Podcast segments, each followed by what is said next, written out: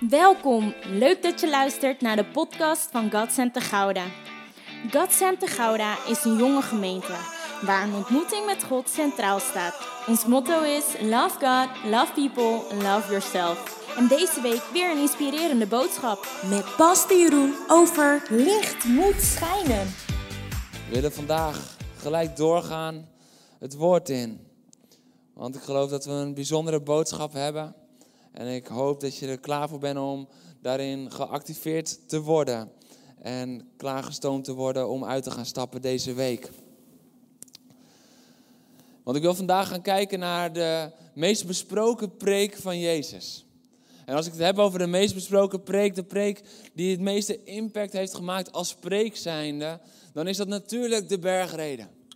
Want met de bergreden daar sprak Jezus de menigte toe. En hoofdstukken lang in Matthäus en ook in Lucas vinden we het verhaal terug. Zien we hoe hij onderwijst en hoe hij les geeft. En terwijl ik daar opnieuw in bezig was deze week, toen werd ik door iets getroffen. En dat had ik nog nooit eerder zo ervaren eigenlijk. En misschien ken je dat wel. Dat je voor de zoveelste keer, misschien wel voor de honderdste keer, een stuk leest, iets ziet. En dat je in één keer denkt, dit heb ik nog nooit zo gezien. Dat is ook waarom ik ervan hou om bijvoorbeeld twee keer naar dezelfde musical te gaan. De tweede keer zie ik altijd dingen die ik de eerste keer helemaal niet zag. En dan denken we, zouden ze het anders hebben gedaan? Maar je kan ervan uitgaan dat met zo'n musical, dat ze de eerste keer ook precies hetzelfde hebben gedaan. Maar je kwam gewoon ogen en oren tekort om alles in één keer te zien. Daarom moet je eigenlijk vaker gaan. Dat is waarom je een film soms ook kan terugkijken en denkt, heb ik dat nou gemist de eerste keer? En zo is het ook met de Bijbel. Zo is het ook met de Bijbel. Als we het woord van God openen, dan iedere keer ontdekken we weer iets nieuws. En dan kom je weer en denk je, heb ik dat nou al die tijd gemist? Ja. Maar toen zag je weer wat anders. Wat op dat moment jouw oog trok, jouw oor trok en wat op dat moment belangrijk voor jou was. En dan is het niet erg dat je dat hebt gemist toen, maar dan is het mooi dat je het ontdekt nu. En dat is ook de werking van de Heilige Geest, die je steeds een stukje dieper brengt in het woord en steeds een stukje dieper brengt in de betekenis daarvan. En terwijl ik bezig was dit keer met de bergreden, viel me één ding zo op. En dat is namelijk dat de beroemdste preek van Jezus, die is helemaal niet zo heel theologisch, maar die is heel erg praktisch. Ik, ik ging hem helemaal nalezen en ik ging er weer in studeren en ik denk, alles gaat over hoe ik het vormgeef in mijn leven. Daar is, de hele bergreden is daarop afgestemd. Continu, oké, dit zegt de wet, maar ik zeg je nu, en het is weer een praktische toepassing van je leven. Het gaat niet zozeer over het wijzen naar God, maar het gaat over het vertolken van het hart van God in je eigen leven. Dus de meest bijzondere preek van Jezus, die gaat eigenlijk veel verder dan alleen de kennis opdoen en de verdieping daarin misschien zoeken, maar het gaat zo over het praktisch maken in ons eigen leven. En daar werd ik door getroffen. En toen moest ik denken aan een gesprek wat ik een paar weken geleden met iemand voerde. En dat gesprek ging ook over van, ja, het is goed om praktisch te preken, maar het moet niet ten koste gaan van de verdieping, zei iemand tegen me. Het moet niet ten koste gaan van de verdieping, want straks missen we de verdieping en ja, dat is ook heel erg belangrijk. En ik was met hem aan het spreken en ik dacht op dat moment al van ja, maar wacht eens even. Als we verdieping en praktisch spreken tegenover elkaar gaan zetten, dan missen we volgens mij de slag. En ik wil het statement maken vandaag dat de beste verdieping is het praktisch kunnen maken van wat je leest. En dan gaat het dus niet om dat je misschien de zevenvoudige betekenis van een woord in de grondtekst en de verbanden met twaalf andere teksten, dat je die kan leggen. Maar het gaat erom dat je het verband met je hart kan leggen. Dus dat wat er hier misschien binnenkomt, dat je het verband met je hart kan leggen en dat je het praktisch kan gaan vormgeven in je leven. En dat is wat Jezus dus al perfect snapte. Want Jezus, zijn hele bergreden is over hoe geef je dat nou vorm in jouw leven. Hoe gaan we dat nou praktisch maken, jongens? Oké, het hart van God is dit. En dit kunnen we op deze manier kunnen we dat brengen hier op aarde. En ik heb lang gedacht dat de krachtigste preken en de beste preken gingen over de grootheid van God en dat uitdiepen daarvan. Maar ik kwam erachter, nee, maar de krachtigste preken, als ik kijk naar het leven van Jezus, waren het, hoe kunnen wij de grootheid van God brengen? Hoe kunnen we het praktisch maken? En vandaag roep ik je alvast op om klaar te zitten om iets praktisch te gaan maken. Om het in je leven vorm te gaan geven. En misschien zeg je dan van ja, dan zijn we nog niet aan de vierde verdieping van de tekst. Maar ik geloof dat de verdieping is als we die eerste laag gaan vormgeven. En daarna misschien wel die tweede laag, als die geopenbaard wordt, vormgeven. En ik geloof dat we er klaar voor mogen zijn om de diepte in te gaan. En daarmee bedoel ik dat we de praktijk gaan bewandelen. Dat we het in de praktijk gaan brengen. Want Jezus, die begreep dat al. En dat geeft hij vorm in de hele bergreden. En hij besefte dat wat hebben we aan kennis als we het niet in de praktijk kunnen brengen? Wat hebben we eraan om iets moois te weten als we het niet kunnen vormgeven in ons leven? Want dan krijg je een beetje de beste stuurlui staan aan wal. Dan krijg je een beetje zo van, ja, maar ik weet dat er in het woord staat dat. En je weet niet hoe je het in je eigen leven moet vormgeven, maar je weet wel dat een ander het zo moet doen, want het staat toch zo geschreven. En dat is waar Jezus heel fel op was. Dat waren de Fariseërs. Maar Jezus verlangt ernaar om de praktijk van jouw leven vorm te geven. En dat wil hij vandaag ook doen. En ik wil een stuk lezen uit de bergreden. En net daarvoor worden we het zout der aarde genoemd. En wat gebeurt er als het zout zijn smaak verliest? Hoe kan het dan weer zout gemaakt worden? Het dient nergens voor. Nee, wij zijn het zout der aarde. Wij zijn de smaak voor de aarde. En wat belangrijk daarin is, is te, beseffen dat zout zorgt voor de houdbaarheid. Dat symbool voor de eeuwigheid. Wij mogen de eeuwigheid brengen. De redding mogen we brengen.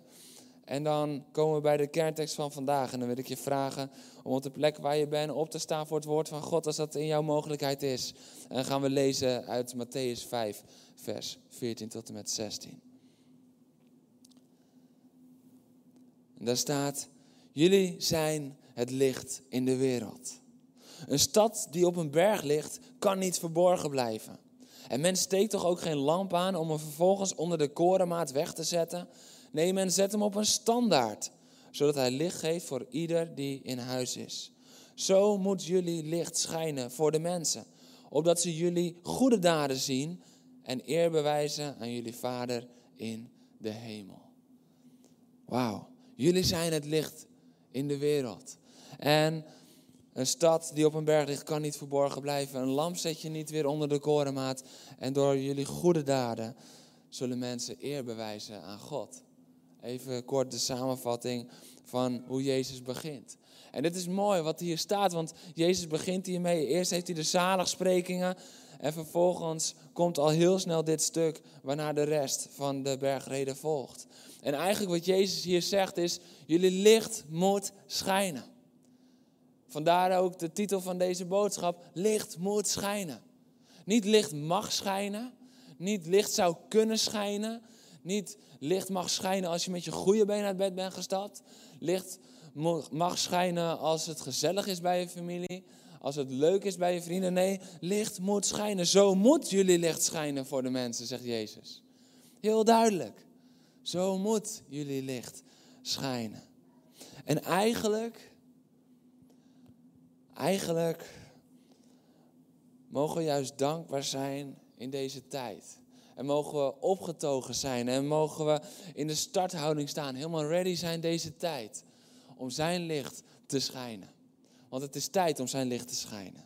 Het is tijd om als kerk op te staan, de duisternis in te gaan en zijn licht te brengen. Zijn licht te schijnen aan een wereld in nood, aan een wereld in het donker, aan een wereld in duisternis. En dan zegt Jezus niet, hey, als het je een keertje uitkomt, schijn mijn licht. Nee, jullie licht moet schijnen. Dit is gewoon een duidelijke opdracht van onze koning. Dit is een duidelijke opdracht van koning Jezus, die over zichzelf ook zegt, ik ben het licht der wereld. En dat is het eerste punt wat ik eruit wil pakken. Ik wil drie punten hieruit pakken.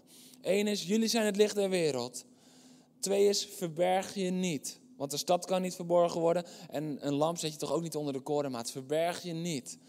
En de derde is schijn door goede daden. Schijn door goede daden. Niet alleen je woorden, maar ook goede daden. En die eerste is, Jezus zegt, jullie zijn het licht in de wereld.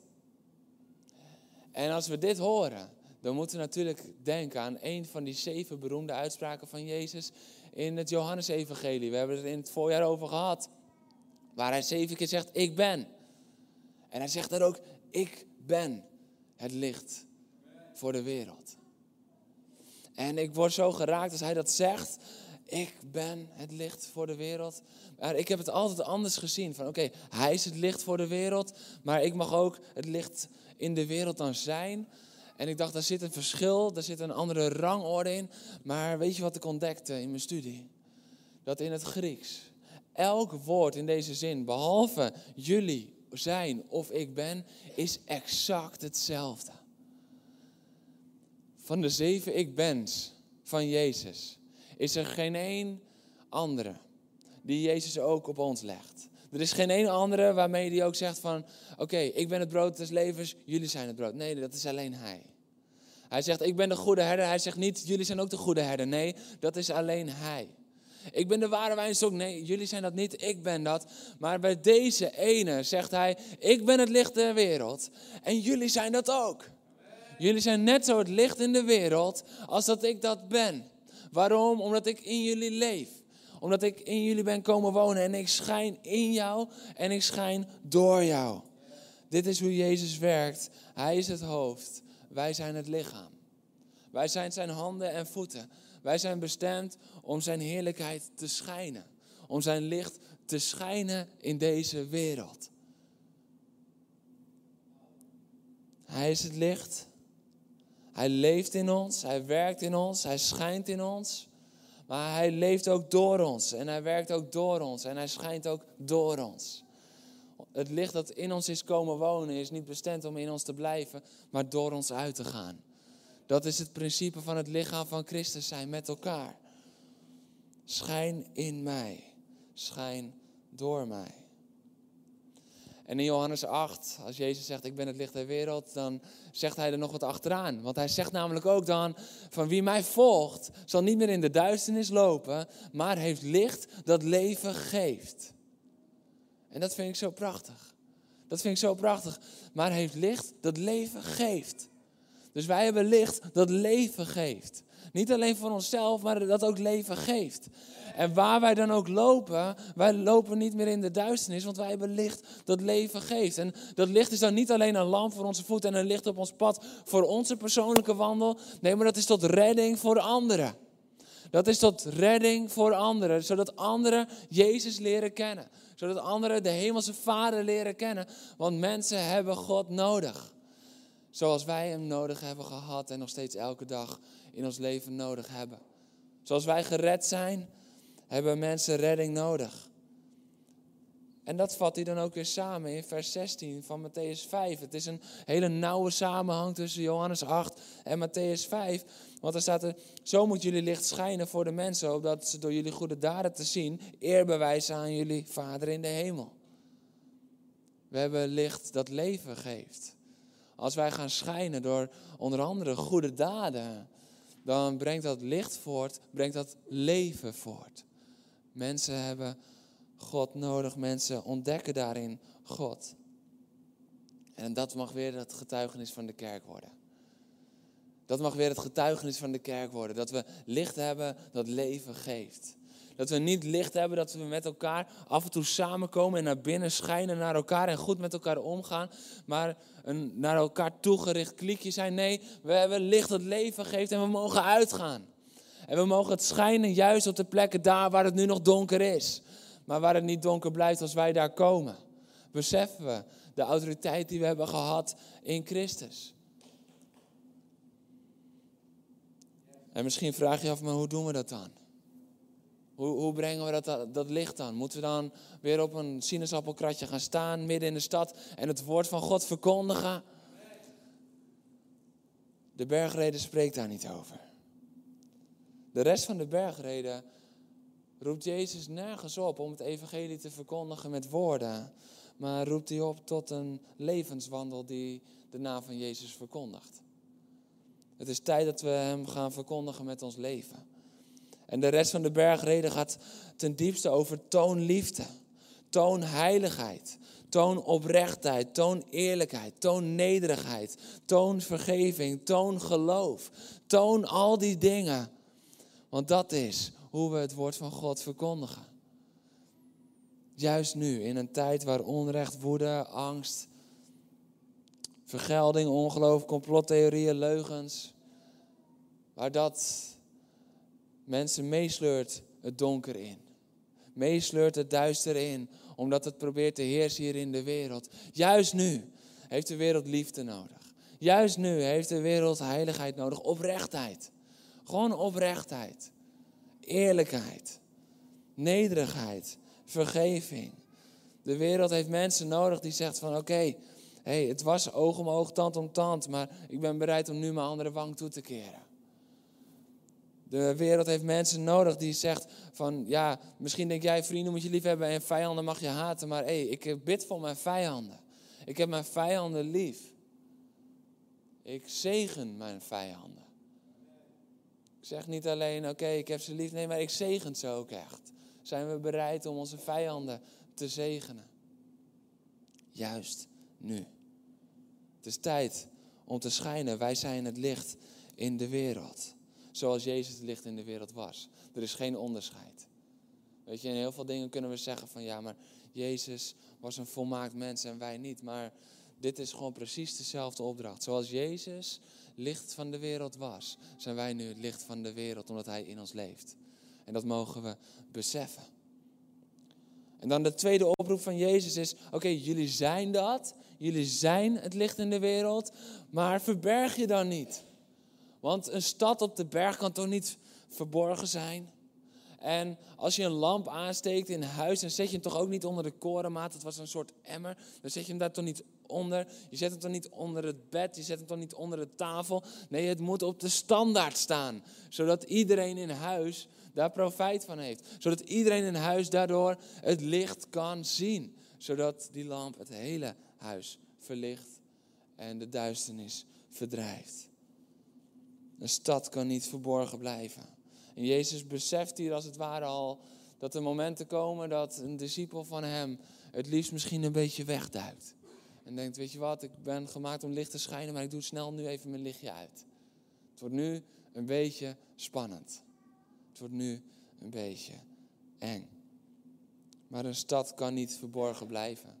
Het is bijzonder dat Jezus die stad noemt, want enerzijds verwijst hij al een stukje naar de stad Jeruzalem die op de berg ligt en waar het koninkrijk gevestigd zal worden. Maar anderzijds is het ook gewoon heel simpel. In de tijd van de Bijbel stonden de steden op een verhoging.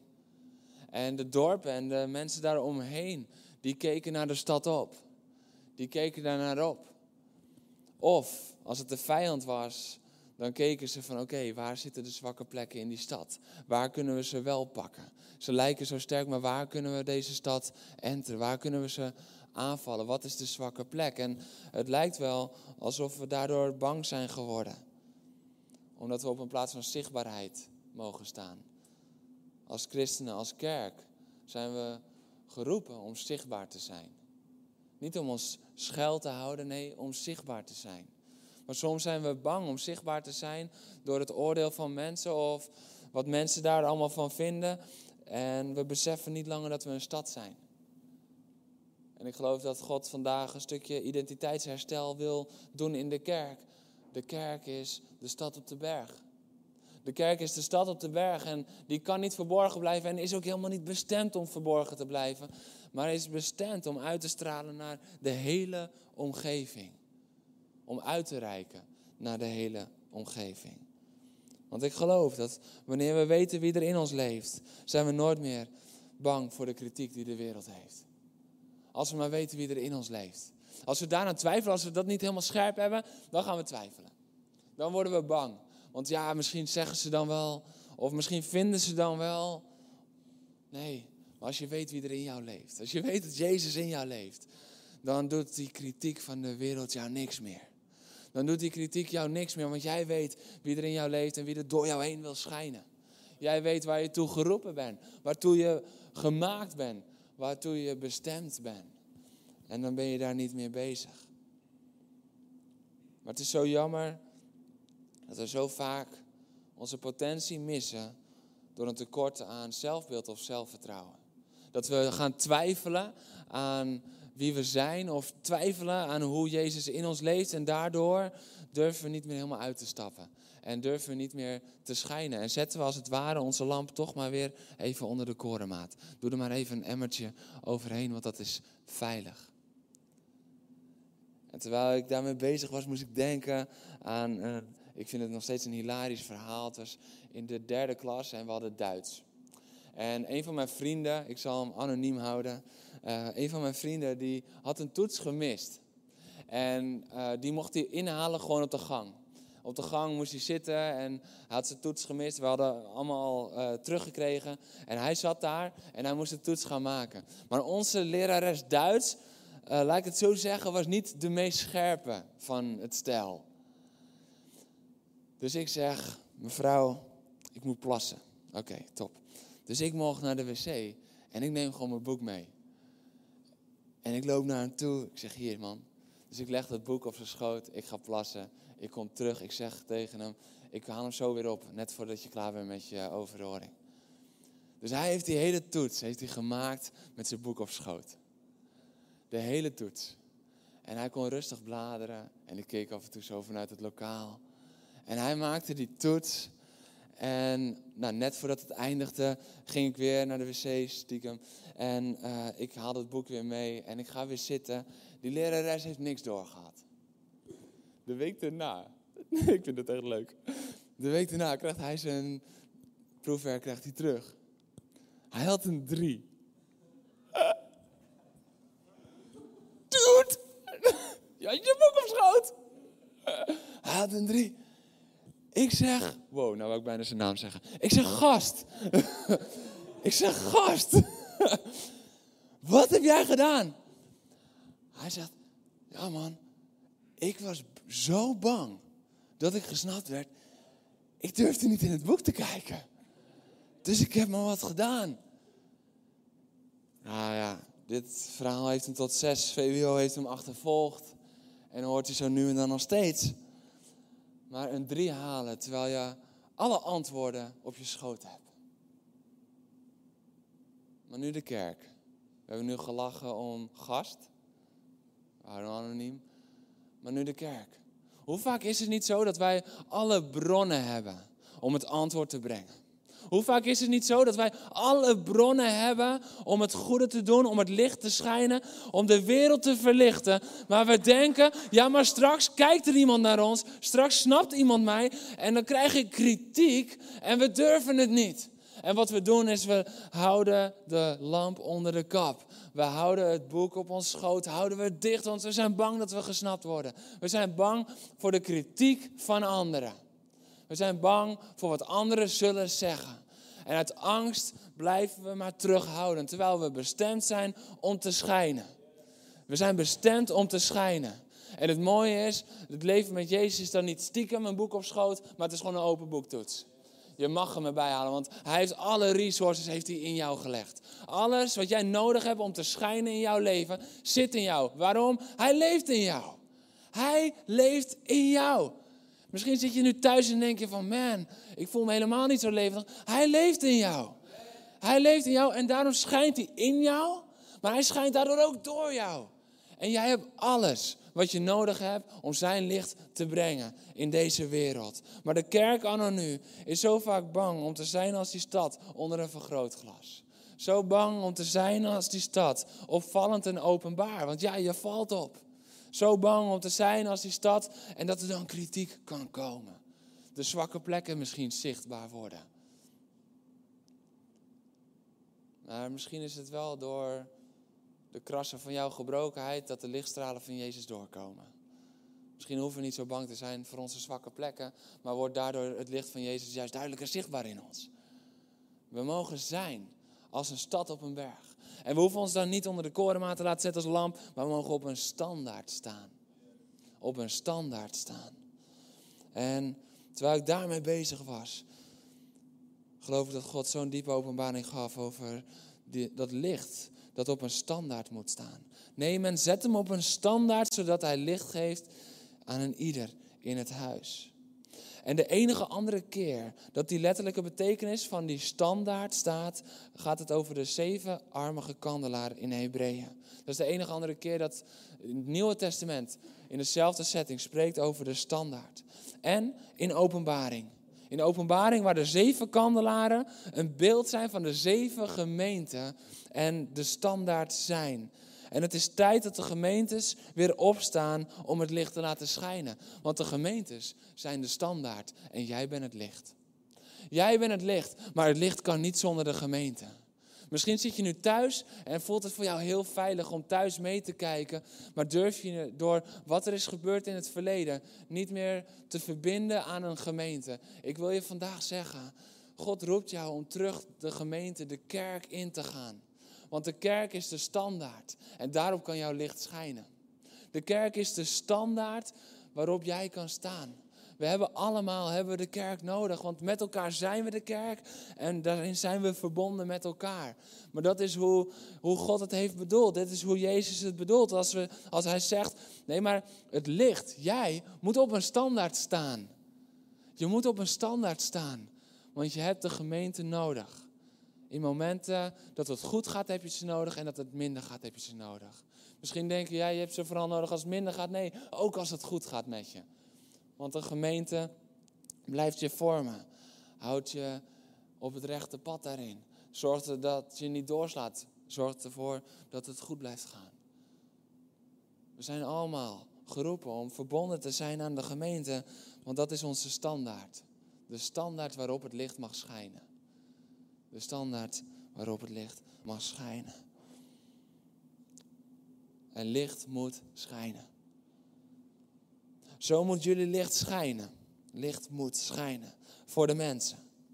Opdat ze door jullie goede daden te zien eer bewijzen aan jullie Vader in de hemel. En dit vind ik interessant. Dit vind ik interessant. Want Jezus heeft het in deze hele preek, de hele bergreden, heeft het dus niet over hoe belangrijk het is dat we het evangelie op de juiste manier kunnen uitleggen. Maar hij sluit erop aan, hoe kunnen we het evangelie op de juiste manier leven. Hij heeft het hier nog niet over onze krachtige woorden, maar hij heeft het hier over onze daden. En dat dat ervoor zorgt dat mensen weer eer gaan bewijzen aan de Vader in de hemel. Dat onze daden dus ook mensen naar het hart van God toeleiden. En het is alsof Jezus misschien wel begrijpt dat we pas met onze mond moeten gaan verkondigen als onze daden zijn evangelie spreken. Want wat spreekt het elkaar anders tegen? Wat kan het anders een contrast zijn? En Jezus gaat in deze hele prediking nog niet in op je moet het verkondigen met woorden, maar dat komt pas op het einde. Die opdracht komt pas als we het hebben over de grote opdracht. Eind Matthäus, eind Marcus. Dan, ja, Ga de wereld in en verkondig het evangelie. Spreek de woorden. Maar nu is het verkondig vooral met je daden. Je bent gemaakt om het evangelie te leven. Het licht van Jezus schijnt niet alleen door onze woorden, maar juist door ons leven, juist door onze daden, juist door wat we doen. En niet alleen onze woorden overtuigen mensen van God, maar onze daden spreken soms wel sterker dan onze woorden en brengen ze naar het Vaderhart. En we zijn dan allemaal geroepen om dat goede nieuws te brengen. En hoe doen we dat? Door liefde te tonen. Door heiligheid te tonen. Door oprechtheid te tonen, door eerlijkheid te tonen, door vergeving te tonen, door geloof te tonen. De kern van waar die hele preek, de hele bergreden over gaat. En de kerk mag daarin haar positie weer innemen. Weet je, vroeger was de kerk degene die uitreikte naar de mensen. Vroeger was de kerk die zorgde voor de mensen. En door de scheiding tussen kerk en staat is dat losgekoppeld. En is het alsof de staat nu verantwoordelijk is voor de zorg aan de mensen. En de kerk mag dan wat meer naar binnen gericht zijn en moet alleen maar het evangelie verkondigen met woorden evangeliseren op straat. Maar dat is helemaal niet waar. De kerk is nog steeds bedoeld om te zorgen voor de mensen. Om uit te reiken naar de eenzamen. Juist in deze tijd. Juist in een tijd waar het donker is in het leven van zoveel mensen. Waar de donkere wolken samenpakken. Waar de donkere wolken om iemands leven hangen en iemand het niet meer ziet zitten en zich alleen voelt. Zijn wij bestemd om te komen met ons licht. En misschien is het dan niet eens met woorden, Maar misschien is het dan wel gewoon met daden. Ik ben gisteren ben ik naar onze buren gegaan. Naar aanleiding van de preek van afgelopen zondag, waar we het hadden over herrie maken. Laten we herrie maken met onze aanbidding en laten we onze buren laten weten wat ons leven inhoudt. Hoe we voor Jezus willen gaan, maar misschien wel niet met woorden, maar gewoon met daden. En ik ben naar ze toe gegaan en we hebben een doosje chocola gebracht. En het mooie is, de eerste vraag die je krijgt is, oh, waar is dit voor? Hoezo? Ja, gewoon. Dat is eigenlijk de beste samenvatting. Gewoon omdat jij het waard bent. En ik zei, ik vind het gewoon in een week waarin zoveel slecht nieuws is gekomen, gewoon een bemoediging. Omdat we jullie waarderen. En het doet zoveel met mensen. En ik heb de naam van Jezus niet genoemd. Ik heb de naam van Jezus niet genoemd. De ene weet, kent Jezus, de andere nog niet. Maar ik heb, ik heb zijn naam niet genoemd. Ik heb zijn evangelie gebracht. Gewoon met daden. En ik geloof dat dat is waar Jezus ons toe oproept in de hele bergreden. Om zijn evangelie te brengen met daden. En daarna komen de woorden wel. Want die gaan dan aansluiten op wat we zeggen. En dat is waar Jezus ons toe oproept. En waar de Bijbel ons toe oproept ook als we lezen in Jesaja 60. Jesaja 60, waar staat in vers 1, sta op en schitter, je licht is gekomen. Over jou schijnt de luister van de Heer. Duisternis bedekt de aarde en donkerte de naties. Maar over jou schijnt de Heer. Zijn luisteren is boven jou zichtbaar. Dit is de tijd waar we in zitten. Weet je, de Bijbeluitleggers zijn het er ook over eens dat de eerste vervulling daar hiervan al is ingegaan op het moment dat de eerste gemeente gesticht werd. Dat de eerste gemeente door de uitbraak van de Heilige Geest kwam, omdat Jezus overwinnaar, hij is de dood ingegaan en is opgestaan als grote overwinnaar uit de dood. En toen is hij naar de hemel gegaan, zodat hij niet als één persoon als grote overwinnaar kan rondlopen, maar in ieder persoon als grote overwinnaar kon leven. Het is tijd dat we dat weer gaan zien en dat we dan zeggen, sta op en schitter, je licht is gekomen. Niet omdat wij het zo goed doen of kunnen of iets. Nee, maar gewoon heel simpel. Omdat Hij het licht is dat in ons leeft. Dat licht is gekomen toen Hij naar de wereld kwam. Toen Hij stierf voor ons. Toen Hij opstond uit de dood voor ons. Omdat de dood hem niet kon vasthouden. Omdat de dood donker is en Hij is licht. Hij is heilig. Het is tijd om op te schaam, want het licht is gekomen, Jezus is gekomen en Hij schijnt over jou en mij. En niet alleen om in ons te schijnen, maar over ons te schijnen. En wat ik dan zo mooi vind, is dat Jesaja 60, vers 3 dan ook zegt: dat zijn luisteren is boven jou zichtbaar. Het is niet alleen in jou zichtbaar, maar over jou heen. Mensen leren God daardoor kennen. En over jou schijnt de Heer. Halleluja. En in het licht daarvan is het ook goed om opnieuw te beseffen waartoe de samenkomst bedoeld is. Opnieuw te beseffen wat de samenkomst van de kerk betekent. Want zo vaak denken we dat dat de plek is waar we tot onze bestemming komen. Maar de samenkomst is niet de plek waar we tot onze bestemming komen, maar waar we toegerust worden om op onze bestemming krachtig te schijnen. Dat is wat de samenkomst is. En we denken vaak dat dit het krachtigste moment is, de samenkomst op zondagochtend. En daarom zijn we nu ook zo van slag. Maar dit is een krachtig moment om krachtig te zijn de hele week. Om krachtig te schijnen de hele week. Want laten we eens heel eerlijk zijn met elkaar. Als Jezus had bedoeld dat het allemaal ging om het samenkomen op één plek en het samen blijven op één plek en dat alles gecentreerd was rondom dat moment, dan zou hij toch niet hebben gezegd: ga naar het uiteinde van de aarde. Dan had hij toch niet gezegd en verkondig dit van Jeruzalem naar Judea, naar Samaria tot het alle einde van de wereld. Dan had hij toch niet gezegd: maak alle volken tot mijn discipelen en trek de hele wereld rond. Nee, dan had hij gezegd: ik ben gekomen voor de kerk. Maar Jezus zei niet: ik ben het licht voor de kerk. Hij zei: ik ben het licht voor de wereld. En hij zei niet, jullie zijn het licht voor de kerk. Nee, hij zei, jullie zijn het licht voor de wereld. En ik neem je even mee deze hoek in. Want hier is heel veel licht, zo direct. Martijn, zou jij hem aan willen doen op die rode knop daar? Dit is het beeld wat we vaak hebben van de kerk. Zo dicht mogelijk bij elkaar. En dan zijn we een krachtig lichtbaken. Als we maar dicht bij elkaar zijn, dan is dit een krachtige samenkomst. En dit is als het ware de zondagochtend. Dit is als het ware het zondagochtendmoment waar we krachtig samen mogen zijn. Waar we bemoedigd worden. Dat we niet alleen zijn in het donker en in ons licht mogen schijnen, maar dat we licht om ons heen hebben. En dit is, het, dit is als het ware de plek ook waar misschien als jouw lamp een keer stuk is gegaan door omstandigheden, dat als het ware je lamp vervangen wordt.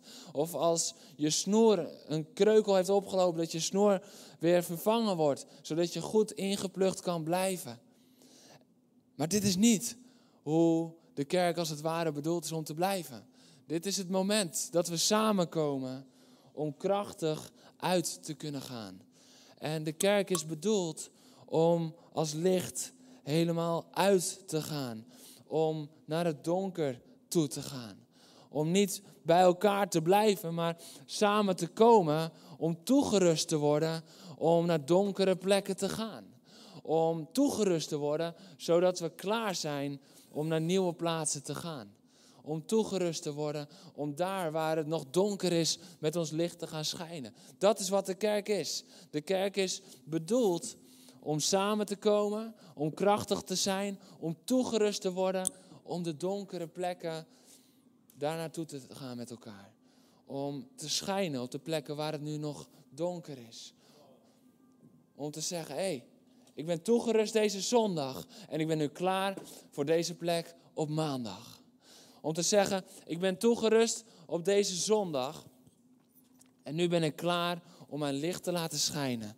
En niet langer maar mijn licht uit te zetten op maandag, dinsdag, woensdag, donderdag, vrijdag. En misschien op woensdagavond zet ik hem aan, want dan ga ik naar de gebedsdienst. Maar om te zeggen, nee, ik ben zondag zo opgeladen. Ik ben zo klaar ervoor dat ik uit kan gaan. En dat ik mijn licht kan laten schijnen op de plek waar hij me bedoeld heeft. En dan zijn we dus niet bedoeld om als een klikje bij elkaar te staan, maar om uit te gaan. En om licht te schijnen op de plekken waar het nodig is. En dan hebben we ook nog deze. Die nergens aan verbonden is. Die nergens aan verbonden is. En weet je, die komt soms op plekken waar anderen misschien niet direct komen. Misschien komt hij wel op een plek waar het best wel donker is en waar anderen niet direct komen. Maar op het moment dat hij uitgaat, op het moment dat de batterij opgaat en je bent niet verbonden, weet je niet meer waar je kan opladen. Weet je niet meer waar je terug kan komen. Dit is waarom de kerk wel zo belangrijk is en waarom de samenkomst dus wel ook heel belangrijk is. Omdat het een plek is die je veiligheid brengt, die je veiligheid biedt. Want wat het mooie is, al deze, al deze lampen, al dit licht is verbonden aan één bron. Al dit licht is verbonden aan één bron. Met één knop ging alles aan. Al dit licht is verbonden met één bron. Zoals, zoals wij allemaal verbonden zijn aan één bron. Het licht dat in ons leeft. Eén bron, Koning Jezus. Wij zijn met z'n allen verbonden aan één bron aan koning Jezus. Dat is waarom die kerk zo belangrijk is. Dat is waarom de samenkomsten ook zo belangrijk zijn. Maar niet het hoofddoel zijn. Nee, de samenkomsten die zijn belangrijk om uit te gaan. Om het donker in te gaan. Want hier is het zoveel donkerder. Maar hé, hey, jij bent licht en jij kan schijnen. Het is tijd om op te staan. En niet te denken, oké, weet je, ik heb misschien wat, maar laat mij maar af en toe even uitstaan. Laat ik me maar onder de korenmaat zetten af en toe, want ik val zo op hier in het donker. Nee, aan en schijn. Dat is de bedoeling van deze zondagen. Dat is de bedoeling van deze woensdagen. Dat is de bedoeling van elk moment dat we samenkomen als kerk. Om jou toe te rusten, om jou te inspireren, om jou te motiveren, om jou te activeren, om te schijnen in het donker. Jij bent gemaakt om te schijnen in het donker. Want Jezus zegt, ik ben het licht der wereld, maar niet alleen ik, jij bent het licht der wereld. Dat is jouw bestemming. Dat is jouw bestemming. En dat licht is niet alleen voor de kerk, nee, dat is voor de wereld. De kerk is het licht. Maar we zijn geroepen om uit te gaan. We zijn geroepen om te zeggen, niet alleen schijn in mij, maar schijn ook door mij. Ik wil vragen of de worship naar voren komt om dat met elkaar te zingen. Wij zijn niet geroepen om alleen te zeggen, schijn in mij. Schijn in mij. Nee, maar schijn in mij, schijn door mij. Want als u in mij schijnt en door mij schijnt, dan breng ik licht op de plek waar ik kom. Dat is mijn roeping. En welke plek dat dan ook is, daar ben jij geroepen. En voor de ene is dat in de zorg. En voor de andere is dat in de politiek. En voor de andere is dat als gastouder. En de andere is dat als kleuterjuf. En voor de andere is dat misschien wel in het bedrijfsleven. En voor de andere is het weer iets anders, als zelfstandige ondernemer of noem maar op. Maar wij zijn gemaakt om te schijnen. Want Hij is het licht van de wereld. Maar zoals Hij het licht van de wereld is, zijn wij ook het licht van de wereld. Omdat Hij in ons leeft. Omdat Hij ons die opdracht geeft. En daarin mogen we stappen. Laten we daarover zingen met elkaar. Licht dat schijnt en duisternis verdrijft. Halleluja. We hopen dat deze boodschap je geïnspireerd, geactiveerd en gemotiveerd heeft in je wandel met God. Deel deze boodschap ook op je socials, zodat vele anderen met jou hierdoor geïnspireerd mogen worden. Ontmoeten we elkaar snel een keer? Zondag om 10 uur tijdens de livestream van God Santa Gouda.